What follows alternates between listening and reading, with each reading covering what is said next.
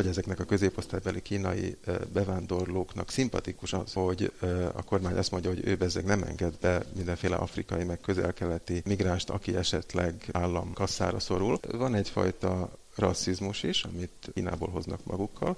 Beszéltünk arról, hogy ezeknek a migránsoknak a fejében van egyfajta Európa kép, egyfajta romantizált Európa kép. És úgy tűnik, hogy ennek a képnek egy része egyfajta fehér társadalom.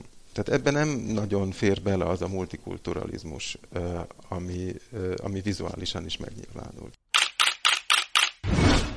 2013 és 2017 között több mint 15 ezer kínai jött az országba a kormány letelepedési kötvényével. Egy kutatás szerint a gazdagabb kínaiaknak bejön Orbán Viktor migráns ellenes politikája, a magyarokat pedig nagyon segítőkész és befogadó embereknek tartják. A legtöbben nem gazdasági okok, hanem a levegő és az oktatás minősége miatt választották Magyarországot. Igaz, az első csalódás akkor éri a tehetősebb kínai letelepedőket, amikor rájönnek. A magyar tanárok nem beszélnek angolul, így kénytelenek a gyerekeket a Google fordító programjával iskolába küldeni. Ez itt a Selfie, a Szabad Európa podcast sorozata. Én Bátori Róbert vagyok. A következő csak nem fél órában pedig a kínai letelepedési kötvényesekről készített kutatásuk kapcsán beszélgetek Beck Fannival, a CEU szociológia és szociálantropológiai doktori iskolájának hallgatójával, valamint Nyíri Pállal, az Amsterdami Szabad Egyetem antropológus professzorával.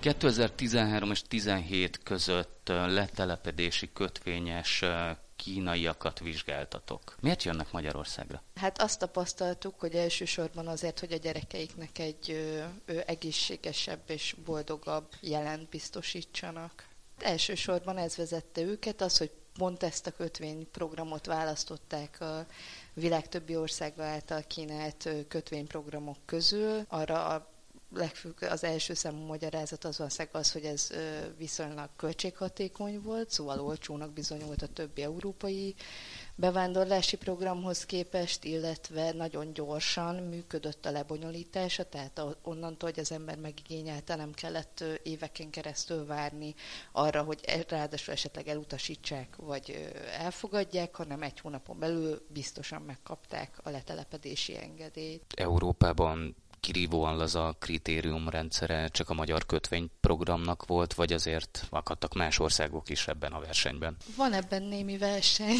szóval jó pár ország igyekezett viszonylag e- megegyszerűsíteni a gazdag potenciális bevándorlók letelepedését, illetve nem is feltétlenül letelepedését, szóval ezek a programok nem igénylik azt, hogy a jelentkező ott tartózkodjon abban az adott országban, hanem csak azt, hogy befektessen pénzt ebbe az országba. Mit mondott Magyarország, hogyan jöhettek ide? Hát ugye 250 ezer, illetve később 300 ezer eurót kellett fizetni, egy közvetítő cégen keresztül, amelyik felszámolt egy jelentős közvetítési díjat.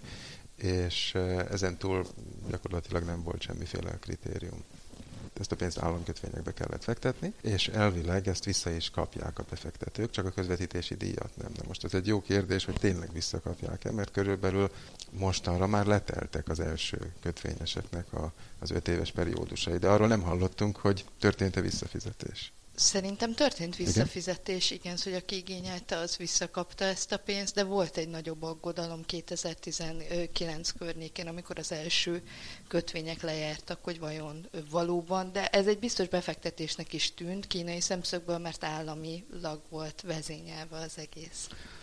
Milyen státuszú emberek jöttek ide? Először 250 ezer eurót kellett kifizetni, azért ez nem kevés pénz. Ha ma valakinek van egy lakása bárhol egy kínai nagyvárosban, ennek a lakásnak az eladásával annyi pénzhez jut, hogy ezt nyugodtan ki tudja fizetni, és még marad is annyi, hogy abból több évig nyugodtan elélhet. De ha ennyi pénzük van, akkor miért jönnek ide?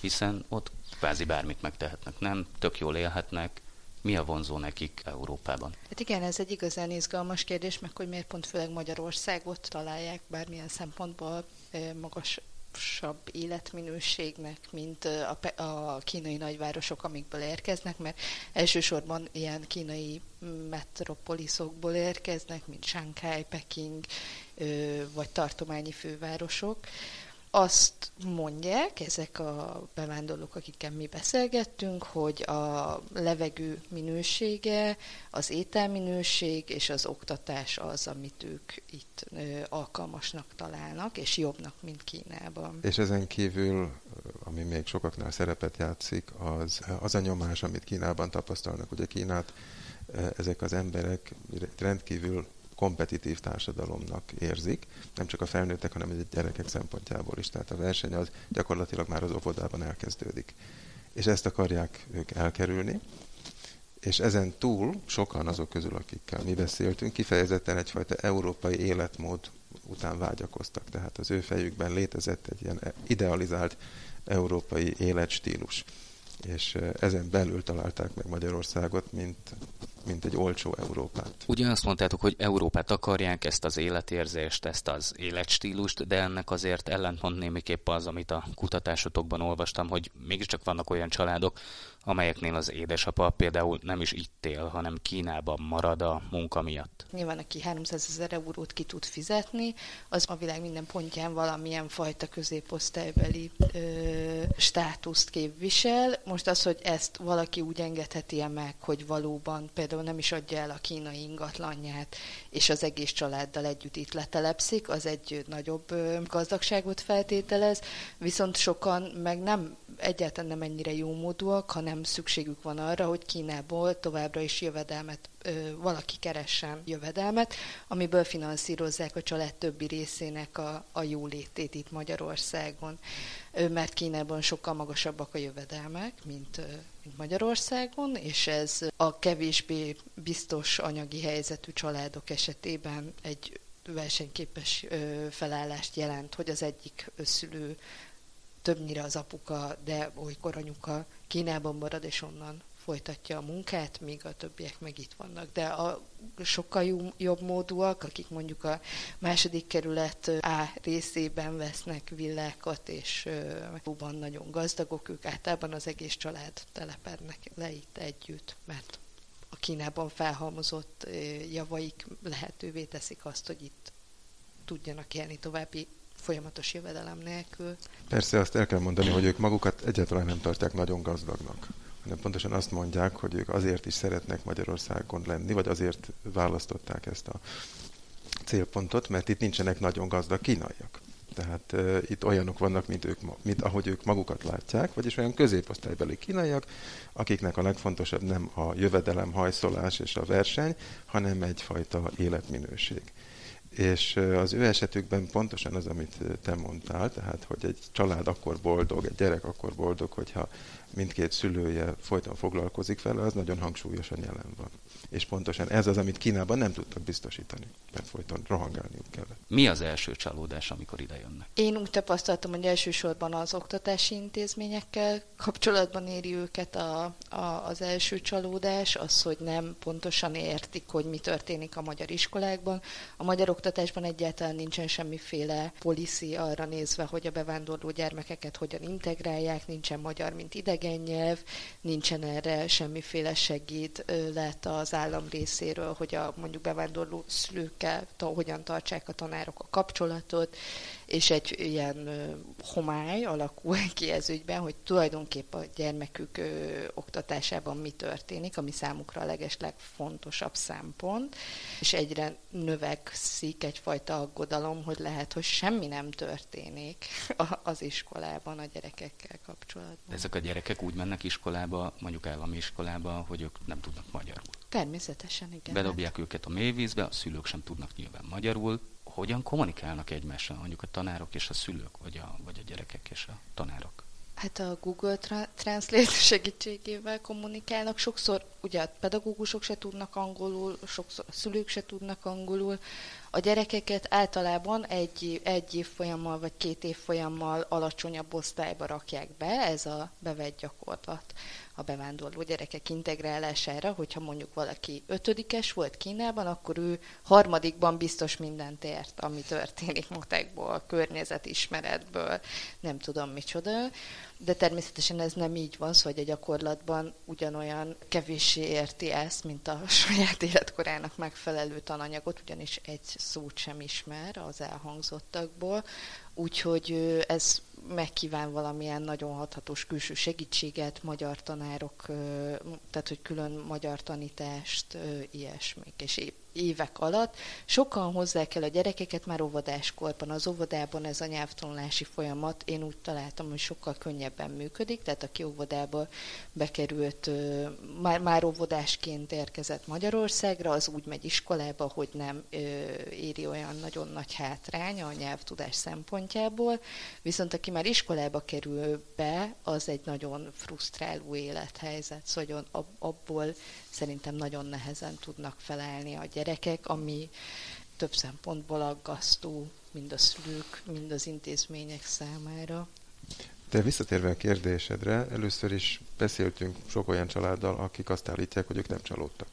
Tehát, hogy ők pontosan azt kapták, amit, amit szerettek volna. Kinéznek az ablakon, ott van az a sok zöld fa, jó a levegő, biztonságosak az élelmiszerek. Aztán amivel a Fanny diszertációja is foglalkozik, az az, az oktatással kapcsolatos aggodalomnak egy más iránya, tehát hogy a gyerekek nem kapnak elég tudást. Ami azért egy nagyon érdekes ambivalencia, mert ugye ők pont azért jönnek el Kínából részben, hogy a gyerekekre ne nehezedjen az a kompetitív nyomás. De ahogy a Fanny tapasztalja, hogy az évek múlnak, a szülőkben azért nő az aggodalom, hogy jó, jó, a gyerek jól érzi magát, ez kétségtelen, de közben meg a kortársai Kínában, a barátaink gyerekei meg már mennyi mindent tanultak. Ezek meg itt homokoznak kint az udvaron. És végül jelentkezik egy olyan típusú csalódás is, ami Magyarország gazdasági lemaradására egy reakció, és ez pont tegnap beszéltünk egy, egy úrral, aki, aki ezt nagyon határozottan megfogalmazta, hogy ez nem az, amit ő Európától várt, várt ezek a hepehupás utak, ez a gazdaság, ami autók összeszerelésére épül. És úgy tűnik, hogy ez a fajta aggodalom, ez inkább azokra jellemző, akinek, akiknek nem annyira biztos a gazdasági helyzetük, mert ők talán mégiscsak abban reménykedtek, hogy valamiféle középosztálybeli munkakört tudnak maguknak találni, vagy ha nem maguknak, akkor legalábbis a gyerekeiknek. És ez az, amit most megkérdőjeleznek. Viszont a, a jobb gazdasági állapotban levő családoknak ez továbbra sem fontos szempont, mert azt mondják, hogy mi itt jól élünk, a gyerek iskolába jár, aztán majd meglátjuk. Azt csinál, amit akar. Mennyire jön be a kínai letelepedési kötvényeseknek az Orbáni migráns ellenes politika? Ez meglepőnek tűnik, hogy ö, miért jönnek migránsok olyan helyre, ahol a kormány azt mondja, hogy mi egy, egyetlen migránst sem engedünk be. Persze, a, amit tesznek, az valójában ennek az ellenkezője. Ugye az Orbán kormány minden 20. századi, 21. századi magyar kormánynál inkább egy aktív migrációs politikát folytat. Viszont ezt egy, egy extrém migráció ellenes retorikával ellensúlyozza. Na most, ha belegondolunk, az, hogy ezeknek a középosztálybeli kínai bevándorlóknak szimpatikus az, hogy a kormány azt mondja, hogy ő bezzeg nem enged be mindenféle afrikai, meg közel-keleti migránst, aki esetleg az állam kasszára szorul, ez több szempontból is szimpatikus lehet nekik, mert... De miért? Egyrészt azért, mert tudjuk például Amerikából is, hogy ezek a középosztálybeli bevándorlók, akik magukat keményen dolgozó adófizetőknek látják, úgy gondolják, hogy miért kellene nekik az ő pénzükből el, ellátni vagy eltartani olyanokat, akik nem dolgoznak. Tehát van egy ilyen, egy ilyen welfare chauvinism típusú dolog, és másrészt pedig van egyfajta rasszizmus is, amit Kínából, részben Kínából hoznak magukkal, és van ennek egy harmadik dimenziója is, ami szerintem nagyon érdekes, ez pedig az, hogy ugye beszéltünk arról, hogy ezeknek a migránsoknak a fejében van egyfajta Európa kép, egyfajta romantizált Európa kép. És úgy tűnik, hogy ennek a képnek egy része egyfajta fehér társadalom. Tehát ebben nem nagyon fér bele az a multikulturalizmus, ami, ami vizuálisan is megnyilvánul. Tehát ők azt mondják, olvastunk egy cikket, ami egyébként egy londoni folyóiratban jelent meg.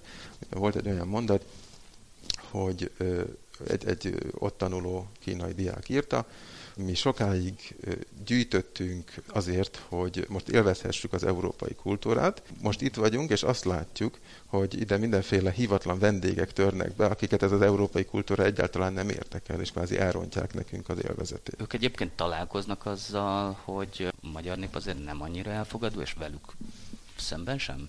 Azok? Hát ami a legmeglepőbb, hogy úgy tapasztalják, hogy a magyar nép nagyon befogadó velük szemben. Sokkal befogadóbb, mint Németország, Franciaország, Olaszország vagy Anglia, ahol viszont úgy tapasztalják, hogy nagyon diszkriminálva vannak, hogyha oda mennek utazni, nyaralnak, ilyesmik, akkor számos diszkriminatív tapasztalat éri őket, szemben Magyarországgal, ahol viszont érdekes módon nem tapasztalnak diszkriminációt, vagy elenyésző mértékűnek ez, találják. Ez hogy lehetséges? Szerintem részben az élethelyzetektől függ. Mondjuk én sem értem egészen, meg kell, hogy mondjam, ezeket a tapasztalatokat. Azt gondolom, hogy Nyugat-Európában ők turisták és az azért egy gyakori tapasztalat, hogy a Louvre-ban a kínai turistákat, azokat ferde szemmel nézik, el tudom képzelni, hogy még be is szólnak nekik, vagy legalábbis csúnya pillantásokat vetnek rájuk. Itt viszont, hogyha valaki a, egy, egy második kerületi villában lakik, nem veszi igénybe a tömegközlekedést, akkor nem nagyon találkozhat ilyen jellegű mindennapi idegenellenességgel. Persze az iskolákban azért találkozhat, főleg az állami iskolákban, és erről a Fanni többet tud mondani, hogy ezekre milyen reakciók voltak. Igen, de hogy valahogy az én, én tapasztalataim szerint kimondottan segítőkésznek találják a magyar társadalmat, szóval kimondottan úgy látják, hogy a magyarok jószívű és segítőkész emberek, akik ott vannak, hogyha bármire szorulnak. Az a villában lakó és a tömegközlekedést igényben nem vevőek aránya viszonylag alacsony, vagy például a hetedik kerületben rengeteg új kínai ingatlanra tettek szert.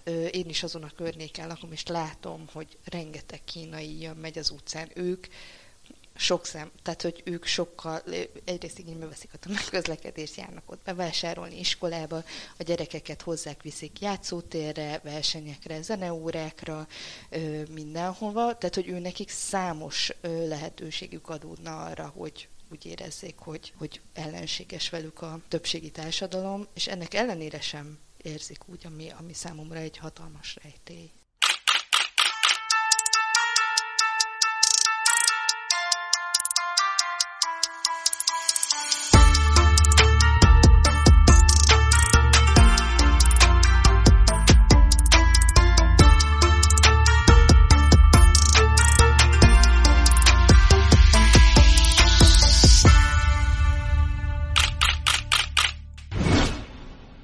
Folytatjuk a selfit Beck antropológussal és Nyíri Pál antropológus professzorral arról, hogy a Kínából érkező letelepedési kötvényesek milyen csatornákon informálódtak új hazájukról, azaz Magyarországról, és a kormány milyen PR trükkökkel csábította ide őket. Hogyan látták 90-es évek elején ide települt kínaiakat a magyarok? Mik voltak akkor a tapasztalatok? Változott ez bármit? Hát ugye a 90-es években a kínaiakat a társadalomban is, meg a médiában is egyébként politikai oldaltól függetlenül az illegális kereskedelemmel, a bűnözéssel, az embercsempészettel azonosították, és a rossz minőségű árukkal. Erről egyébként voltak jó kutatások is. Beszéltem arról a bizonyos Tárki által készített felmérésről, ami a 90-es évek eleje óta méri a különböző bevándorló csoportokkal szembeni előítéleteket. Igaz, hogy ott ezeket nem bevándorlóknak, hanem menekülteknek apostrofálták, ami kicsit más asszociációkat generál, de arra alkalmas volt, hogy összehasonlítsák a különböző csoportokkal szembeni ellenszenvet. És ezekben a kínaiak nagyjából a középen szerepeltek, tehát kevésbé utálták őket, mint az afrikaiakat, vagy az arabokat, vagy akár a cigányokat, de jobban, mint másokat. És uh, ugye az utolsó felmérés, ami, a, a, amikor ezt végezték, az kb. 5 éve volt, ugye? És akkor még mindig azt tapasztaljuk, hogy, um, vagy azt tapasztalták a, a kutatók, hogy nem csökkent jelentősen. De a kínaiakkal szembeni elutasítás.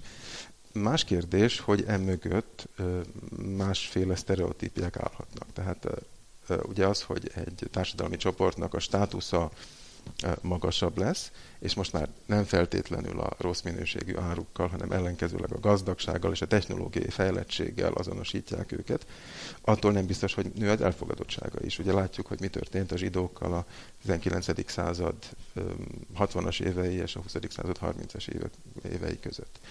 De erről azt hiszem, hogy igazából még hiányoznak a pontosabb felmérések. Minden esetre kvalitatíve azért azt tapasztaljuk, hogy a kép jelentősen megváltozott.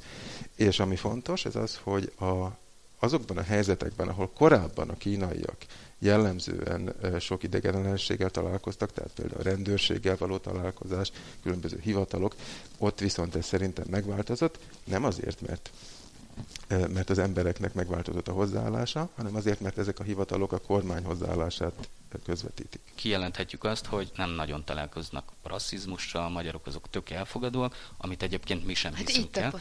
Vannak kirívó esetek? Két éve volt. Ugye az egyik fontos módja annak, hogy kövessük az itteni kínaiak számára fontos kérdéseket, meg, meg az ahhoz való hozzáállást, az a közösségi média, és konkrétan a Weixin, amit angolul WeChatnek neveznek. Ezen a WeChaten jelent meg két éve ez a poszt, amiben ez a bizonyos apa leírta, hogy milyen rosszul bántak az iskolában az ő gyerekével, és hogy ez annyira traumatizálta az egész családot, hogy ők itt is hagyják Magyarországot és Portugáliába költöznek. Na és mikor megnéztük az erre adott reakciókat, akkor úgy tűnt, hogy nem sokan azonosultak ezzel a véleménnyel. Tehát nem váltott ki helyeslési hullámot. Nem igazán, nem igazán hallottunk további eseteket, de azért néha mégis. Tehát Például a, a koronavírus járvány kitörésekor, amikor ez még sokkal inkább konkrétan Kínával volt asszociálva, akkor voltak ilyen tapasztalatok iskolákban. És aztán valahogy ez megint lecsillapodott, ugye? Igen, mert hát karanténba kerültek a gyerekek, szóval elsősorban a gyerekek között tapasztaltak ilyen diszkriminatív viselkedést, a gyerekek kezdték el sárgázni és különböző módon a vírussal azonosítani a kínai osztálytársaikat, iskolatársaikat, de utána karanténba kerültek, úgyhogy ez emiatt viszonylag hamar megszűnt ez a helyzet, és mire visszatértek az intézményekbe, addigra ennek már nyoma sem volt. Aki ott befizeti ezt a pénzt és idejön, milyen infok alapján választja azt ki, hogy egyetlen hova menjen? A legestek fontosabb az valószínűleg a WeChat, a többi már ö, kivándorolt személyek tapasztalatai, ami szintén a WeChat-en keresztül áramlik, ö, ismerettségek, ö, iskola, os, osztálytársak, illetve családtagok migrációs pályái. Ezek jelentenek nyilván a leg, legmegbízhatóbb információforrást, illetve ö, vannak ilyen kimondottan letelepedési program expók, tehát kiállítások, ahol az országok standot állítanak és bemutatják a saját letelepedési programjukat, azon, azonnak az előnyeit, illetve követelményeit és akkor aki szeretne kivándorolni, az elmehet egy ilyen kiállításra, és végignézheti a kínálatot. Ez egy gyakorlatilag egy piac, ahol különböző árucikként jelennek meg ezek a letelepedési programok, amikből válogatni lehet. Marketing van, és különböző országokat egymással versenyző brókerek próbálják eladni a potenciális kivándorlóknak.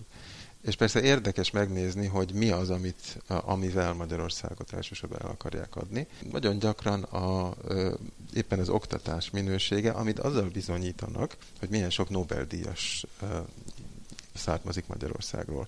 Illetve a sportesemények, vagy a sporteredmények is megjelennek ebben.